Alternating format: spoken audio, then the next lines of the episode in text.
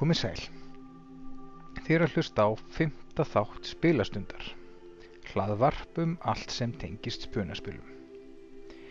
Ég heiti Þorsteinn Mar og hef spilað spunaspil vikulega frá því ég var úlingur.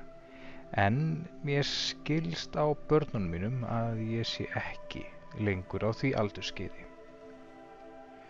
Í þessum þætti langar mig að skoða hliðvörslu og hliðverði spunaspila sem og hvaða skref margar útgáfur hafa stígið til að íta undir að sem flestir, óháð kyni, húðlit, kynneigð, trú eða hverju öðru því sem sumir vilja líta á að greina okkur í sundur, eigi sæti við spilaborðið.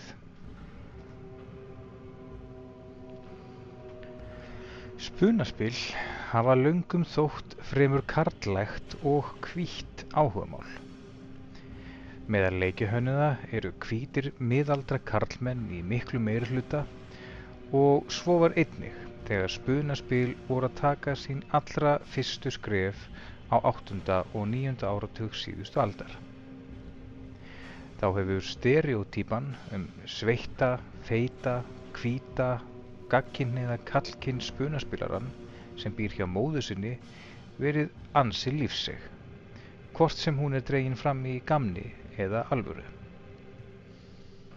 Á síðastlinum árum hefur þó orðið vitundarvakning meðal útgáfna og höfunda spunaspila og margt breyst til batnaðar. Hins vegar fyrirfinnst enn ákveðin hliðvarsla innan áhugamálsins jaft hérlendis sem annar staðar. Áður en lengra er haldið er vert að skoða hugtækið markhópur úr markasfræðum. Markhópur er fyrirfram skilgreint mengi einstaklinga sem eiga sér sameileg einkenni. Þessi einkenni geta verið áhugamál, mentunastig, búseta og þess áttar. Sem sagt, hægt er að flokka einstaklinga eftir líðfræðilegum eða landfræðilegum einkennum sem og áhugamálum eða öðrum markandi viðburðum. Þannig er mengi einstaklinga sem bú á Akureyri, hafa áhuga á lagsviðum og hyggja skipta sig næsta sumar ákveðin markhópur. Þegar D&D kom fyrst út var markhópur spilsins ungir, hvítir, millistjættar karlmenn sem höfðu áhuga á fantasíum, herrkennskuspilum og miðaldabókmyndum. Þessi markhópur markaðist þannig af hönnuðum D&D, það er þeim Gary Gygax og Dave Arneson, sem og spilahópi þeirra.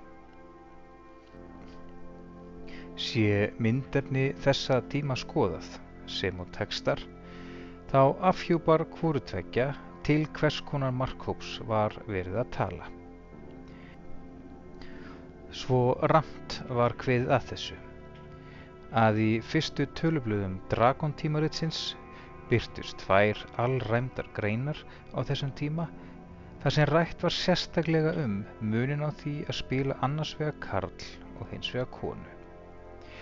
En í þessum greinum voru meðal annars að finna tillögur um hvernig mætti spila kvenkinspersonur. Fyrri greinin, Notes on Women and Magic, Bring the Distaff Gamer into D&D, var skrifið af Len Lakofka. Hér var ekki einhver aukvisi með pennan á lofti, heldur sérlegur ráðgjafi Gary Gygax og einn af helstu leikjaprófurum hans. Því mætti ætla að grein Lakofka hafi verið borin undir Gygax áður en hún byrtist í þriðja tölublaði Dragon. Þrátt fyrir að þær reglur sem kynntar voru þessari grein hafi ekki náð hilli spunaspilara, þá sýnur hún glögt hvaða augum leikjahönnur D&D litu önnur kyn en sitt eigið á þessum tíma.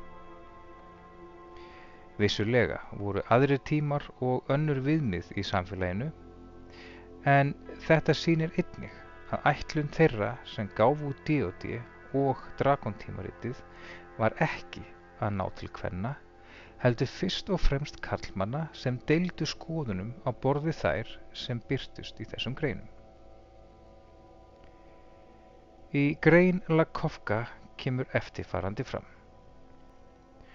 Konur mega vera af eftirfarandi stjættum. Bardagamenn, galdranútendur, þjófar og prestar.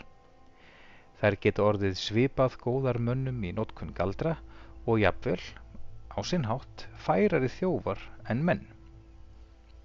Kvenkinsálvar geta orðið sérstaklega góði prestar. Aðeins sem bardagamenn standa konur mönnum langt að baki en þar njóta þær þó góðs af sérkennum sem menn hafa ekki.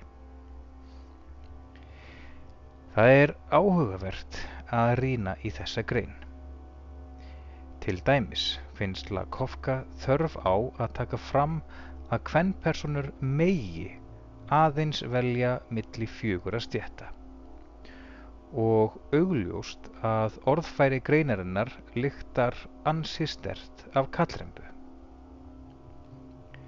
Þá lagði Lakofka einni til að hvernpersonur hefðu ekki þokka, það er karisma, eins og karlmenn, heldur fegurð eða beauty, sem í með sérkenni voru tengd. Til að mynda gáttu konur heillað menn eða charm menn og stundað tælingu eða seduction. Í krafti kynsins þurftu karlar líklega ekki slík sérkenni. Að lokum lagði Lakofka til að kvennpersonur berðust ekki eins og karlpersonur, heldur eins og þær væru einu reynslustigi lélegri.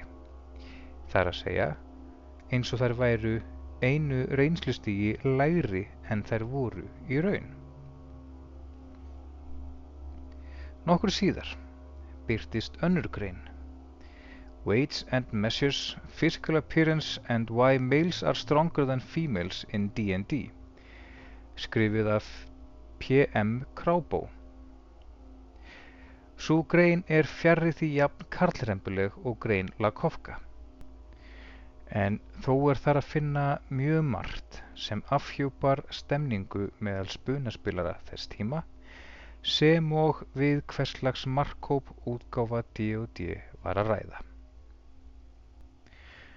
Krabá var töluvert jákvæðari í garð kvenpersona og leggur til að mynda til að kvenpersonur séu með hærri bónus í hreisti og fimi og hann jafnvel gerir tilraun til að svara þeim sem kynnu að mótmæla honum.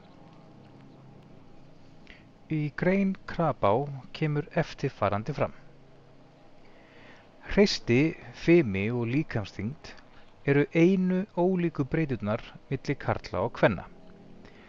Lóðu mér að útskýra það nánar áður en henni syndlausu kasta fyrsta grjótunu. Eins og Jakob Bronowski hefur einnig bent á, rétt eins og efalust fjölmarkir aðrir, er tilturlega lítill munur milli karla og kvenna sé litið til dýraríkisins í heild. Það er í senn lítill líkamlegu munur sem og lítill sálfræðilegu munur. Ímyndið ykkur, samfélög manna hafa bæði verið mæðra og feðraveldi. Látið ekki ein reynslu byrja ykkur sín á söguna. Þó að grein krabá höfðu ekki jafn fast í sama meið og grein lakofka eins og áður segir, þá má engu að síður finna í henni að grundvallarmunur sé á eiginleikum karlpersona og kvennpersona og þann mun þurfi eiginleikarnir að endurspegla. Þá útbýr hann einning töflu þar sem hægt er að kasta upp á húðlit en langt mesta líkur er á að personu séu hvítar sem Krabá útskýrir með eftirfarandi. Ástæða þess að 16 af 20 möguleikum eru ólíkar útfærslur á því að vera hvítur er ekki sú að ég telja það endurspegli dreifingu þess húðlitar í samfélaginu. Heldur vegna þess að í flestum fantasíum eru aðalpersonunar hvítar. Báðar þessa greinar, þó það séu margt ólíkar, falla þó í þá gryfju að reyna frekar að láta spunaspil og kerfi þess endurspegla hugmyndir höfunda sinna um kyn og húðlit. Gera hvoru tveggja að kerfislegum þáttum. Í stað þess að einblýna á að búa til spil þar sem þáttakendur af öllum kynjum eða húðlitum væru velkomin og fyndu sér stað. Þó bendir Krabá réttilega á eitt af vandamálum spunaspila þess tíma. Það er að segja að fantasíur snerust marga hverjar fyrst og fremst um hvítar kallkynshetjur, bókmyndir á borð við sögur Roberts E. Howards um Conan og Hringadróttinsögu. Í myndmáli spunaspila þess tíma var ekki óalgengt að sjá kvennpersonur töluvert létt klæddari en karlpersonur, enda oft verið bent á þetta atriði bæði í gamni og alvöru, til dæmis á gagleysi bikinibrynja. Jafnvel í D&D teiknumyndaþáttunum sem komu út á árunum 1983 til 1985 eru tvær af aðalpersonunum kvenkins og báðar nokkuð léttklæddari en karlkynspersonunnar. Önnur er í einhvers konar bikini úr feld en hinn í stuttum kjól og stígvölum sem náðu upp á miðlæri. Þess má geta að personuna tvær voru annars verð 13 og hins vegar 14 ára gamlar. Hægt er að benda fleiri álíka dæmi. Til dæmis forsíður fyrstu 350 tölubláða Dragon-tímaritsins, þar sem oft mátti finna léttklæddar kvenpersonur. Hafði þessi framsetning óhjákvæmulega áhrif á hver markhópur spunaspila var og þá sérstaklega D.O.D. Það spunaspil hafði þá, líkt og nú, mikla yfirburði hvað vinsaldir varðaði og var leiðandi í mótun markhópsins og markaðsetningu spunaspila sem áhugamáls. Þó svo að markhópur einn og sér kalli ekki á hliðvörslu sem slíka, þá er hins vegar alveg ljóst að þegar markhópur er skilgöndu með þeim hætti sem hér á undan hefur rakið, þá gefur auga leið að líkt eftirsóknarvert er fyrir þá sem ekki eru meðlimir tjeðis markhóps að ganga til liðs við hann. Sé markvist og kerfisbundið unnið að því að byrta þá sem eru ekki hluta markhópnum á einhvern hátt í niðrandi eða síður sæmilugu ljósi, er ljóst að það eitt og sér er ákveðin hliðvarsla. Og þess konar hliðvörslu var framhaldið áratugina eftir að greinar Krabá og Lakofka komu út. Vissulega voru konur með að leikja hönnuða, til dæmis Jean Wells, Margaret Weiss og Rose Estes, en að viðtölum við þær má ráða að andrúnsloftið innan TSR á þessum tíma var ansi karlægt og sumpart jafnvel fjandsamlegt konum. Darlene, sem margir aðdáðandi Greyhawk heimsins þekkja, enda teiknaði hún fyrstu kortin af heiminum, sagði eftirfarandi í viðtali við Kotaku vefsíðuna. Ég vissi að þeir voru leitað listamanni, en mér var sagt að sækja ekki um, að þeir myndi ekki einu svona taka umsók mína til skoðunar. Sögðu svo að það væri vegna þess að ég spilaði ekki D.O.D. og ég trúði þeim. Síðar kom í ljós að ástæða þess að hún hefði ekki verið ráðin var svo að hún væri kona. Nokkuð sem Stephen Sullivan, fyrrum reyðstjóri hjá TSR, hefur viðkjent og staðfest að sé nær sannleikanum en svo skýring sem Darlene fekk á sínum tíma. Hið sama mætti segja um fólk af mismöndu húðlit, kynneigð og trúabröðum. Heilt yfir var spunaspila sena þess tíma hvít og karlar í miklu meirhluta. Til dæmis var ekki mikið um aukapersonur af ólíkum húðlit, en með þeim fyrstu var þó Theros Ironfeld, járnsmiðu þorpsins Solas í Apanasinju, en hann byrtist í Dragonlandsögunni eftir þau Margaret Weiss og Tracy Hickman. Skildi því nokkurn undra að margir spunaspilarar tækju upp álíka hegðun og fyrirtækið, sem var á þeim tíma langstæsta útgáfa spunaspila, hegðun sem það síndi eitthvað starfsfólki sínu og byrti í sköpun sinni. Er svo undarlegt að margar aðrar útgáfur fetuð í sömu spór og TSR á sínum tíma.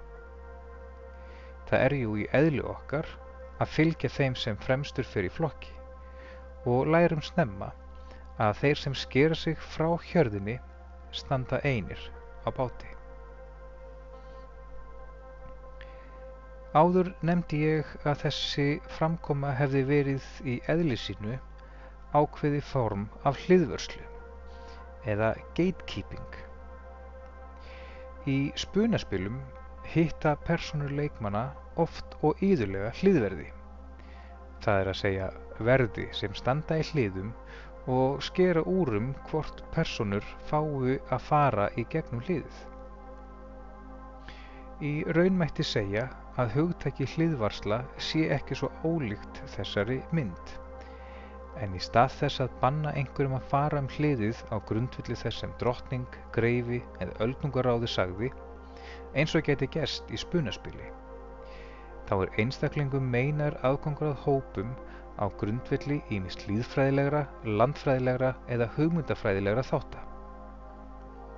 Til dæmis urðu margir aðdándur rapptónlistar undrandi og jafnvel pyrræðir þegar bandaríski rapparinn Eminem var að koma fram og sögðu að hvítt fólk ætti ekki að vera rappa.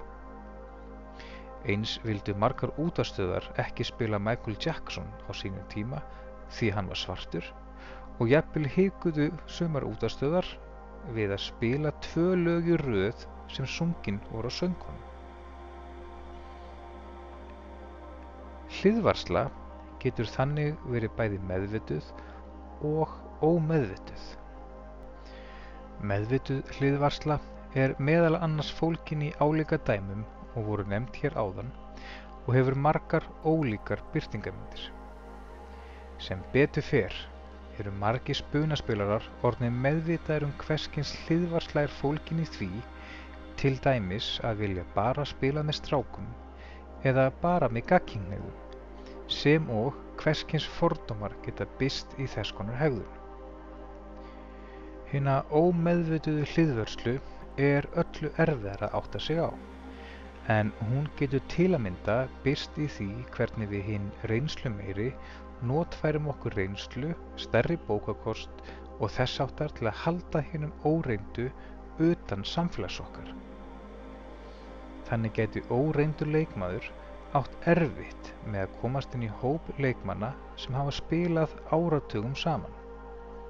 Enda auðvelt fyrir hópin að halda hinnum nýja leikmanni utan umræðina með því að ræða saman af þeirri dýft um áhugamálið og beita tungumálinu á þann máta að sá óreyndi á enga möguleika að taka þátt. Á þeirri tæpu hálfu öld sem liðin er frá útgáfu fyrsta spunaspilsins hefur mikið vatn runni til sjávar. Á tíunda áratögnum voru AD&D, Call of Cthulhu Star Wars og fleiri spunaspil afar vinsæl. Spilu bæði mikið hérlendis sem erlendis. Fáir gættu í raun að því hvort og hvaða mynd var dregin upp á konum, samkynneigðum eða ekki hvítu fólki í reglubókum. Vissulega voru rasískar hugmyndir H.P. Lovecrafts rættar og hvernig þær byrtist í sögum hans sem og hvernig lýsing Tolkiens á orkum var um margt líkt lýsingu hvítra á svörtum. En engum og aðalega fór þessi umræða fram meðal fræðimanna. En hún átti síðar eftir að færast yfir á þau spunaspil sem byggja á skáldskap þessara höfunda og fleiri. Skömmu eftir aldamótin tekur þetta breytast. Tilkoma netsins gerði spunaspilurum kleift að skiptast í rauntíma á skoðunum, upplifunum og tilfinningum sínum í garð spunaspila heima og kerfa. Eftir því sem fleiri raddir fór að heyrast varð mörgum útgáfum eflust skýrara hversu margt af því efni sem gefið hafði verið út fyrir spunaspil var rasist í eðli sínu, byggt á stereotypum og dró upp mjög skekta mynd af menningarheimum, trúabrögðum og svo mætti lengi telja. Þannig var kastljósinu beint að heimum á borðið Karatúr og bókum eins og Oriental Adventures eftir Gary Gygax og sínt fram á hversu margt af þeim hugmyndum sem þar mátti finna voru fordómafullar og gerðu lítið úr þeim menningum sem fjalla varum. Vissulega brúðust margir spunaspilarar ókvæða við og gera jafnvel enn og benda á að spunaspil séu fyrst og fremst hugarburður en þurfa ekki að endurspegla á nokkurn hátt raunveruleikan. Að spunaspil séu flótaleið frá raunveruleikunum og þurfi í sjálfu sér ekki að vera pólitísk rétt. Þrátt fyrir þessar gaggrinni rattir eldri spunaspilara þá er ljóst að Wizard of the Coast, útgefandi D&D, hefur lagt sér fram undan farin áratögu eða svo um að slíta tengslinn við þessi fyrstu ár. Þannig mætti segja að fyrirtækið hafi breytt markhópi sínum og tali nú til breyðari hóps en nokkur tíman áður. Þessi breytta nálgun hefur haft í för með sér gríðarlegan vöxt og aukningu á sölu vara D&D og það sem meira er, það virðist hafa einnig jákvæð áhrif á sölu annara spunaspila. Vissulega mátti merkja þessa breytingu allt frá því þegar Wizards of the Coast keiftu TSR eða öllu heldur björguðu fyrirtækinu frá gjaldþróti. Allt frá reglubók þriðju útgáfu D&D er sýnilegt, bæði í texta og myndmáli, að vindar breytinga blésu um vörumerkið. Þó vissulega væri stígið varfærninslega til jarðar fyrst um sinn, en þegar fymta útgáfa kom út var þessi breyting orðin alltum líkjandi eða eins og Nathan Stewart, eitt stjórnanda Wizard of the Coast, komst að orði. Í fimmtu útgáfu ákváðum við að leggja sérstaka áherslu á fjölbreytni og minnast á hana í kaflanum um persónusköpun. Við vildum gang úr skuggum að fyrirætlanir okkar og skilaboð um að allir væru velkomnir við spilaborðið væru ekki aðeins í kollinum á okkur, heldur á blað festar. Það að markasráðandi afl að borðið Wizard of the Coast taki slíka afstöðu gegn hliðvörslu og bjóði alla áhugasama að borðinu verður líklega seint að fullu metið. Óhjákvæmilega slær þessi skýra afstafa vopnur höndum þeirra sem vilja taka stöðu hliðvarða, þeirra sem vilja hafa áhrif á og velja hverjir fá að deila áhugamáli þeirra. Það er erfitt í dag fyrir nokkurt spunaspilara að halda því fram að í D&D sé ekki rými fyrir fólk með annan húðlit en hvítan, fólk sem er ekki hluti af vestrætni menningu, fólk sem er engungu gaggingneitt eða þessar á trúar eða hinnar. Þessi ákverðun Wizards of the Coast var auk þess ekki bara orðin tóm, en það hefur fyrirtækið lagt sér fram um að ráða til sín leikjahönniði, listamenn og aðra sem koma að gerð spunaspila sem endurspegla þessi breyttu viðmið. Vissulega er fyrirtækið enn að læra og hefur miðstíði sig á leiðinni. Skemst er að minnast þess að fyrirtækið réði til sín leikjahönnuðin Sack Sabbath Smith til að vera ráðgjafi við gerð 5. útgáfu. Sack var vel þekktur innan OSR stefnunar eða Old School Revival og hafði meðal annars unnið ímis velun fyrir leikjahönnun sína.